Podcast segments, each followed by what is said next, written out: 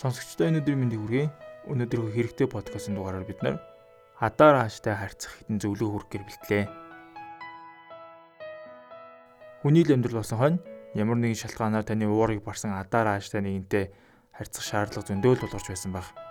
Харин тэдгээр хүмүүстэй хэрхэн хамгийн аятайхан байдлаар харьцах талаар 7 зөвлөгөөг өгье.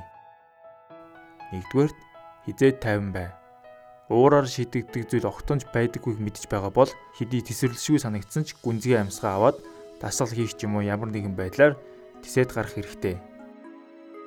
Хоёрдугаарт хүн болгон л алдаа гаргадаг. Буруутгахаасаа өмнө тухайн хүний оронд өөрийгөө нэг тавиад үзэх хэрэгтэй.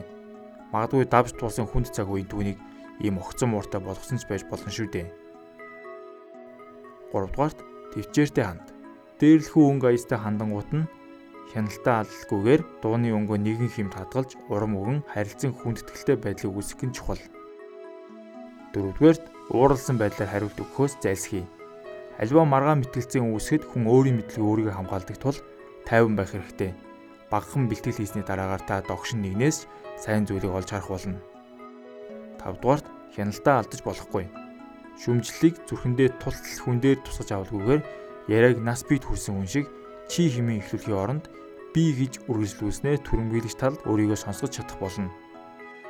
6 дугаарт дааттай тайлбар өг. Сэтгэл хөдлөлөө барьж дийлэхгүй болсон үед хүн ямар ч тайлбарыг хүлээж авч чаддаггүй.